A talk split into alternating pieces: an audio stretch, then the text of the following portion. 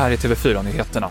Donald Trump bar igår ansiktsmask offentligt för första gången vid ett besök på ett militärsjukhus.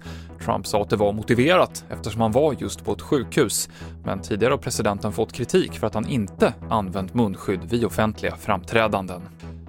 Tusentals personer protesterade igår i Tel Aviv i Israel mot uteblivet coronastöd.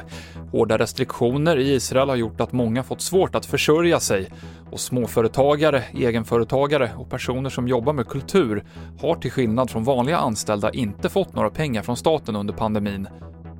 Och intresset är stort för att vandra i de svenska fjällen i sommar och för många så är det den första fjällvandringen och ett vanligt nybörjarmisstag är att underskatta hur svåra väderförhållandena snabbt kan bli.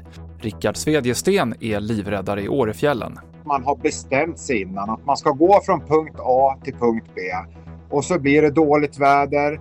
Man genomför den här tilltänkta fjällvandringen ändå va? istället för att eh, göra en kortare tur och eh, verkligen lyssna på, på väder och vind. Och mer tips inför fjällvandringen kan du få just nu i en sändning på TV4 Play. Det här var TV4 Nyheterna med Mikael Klintevall.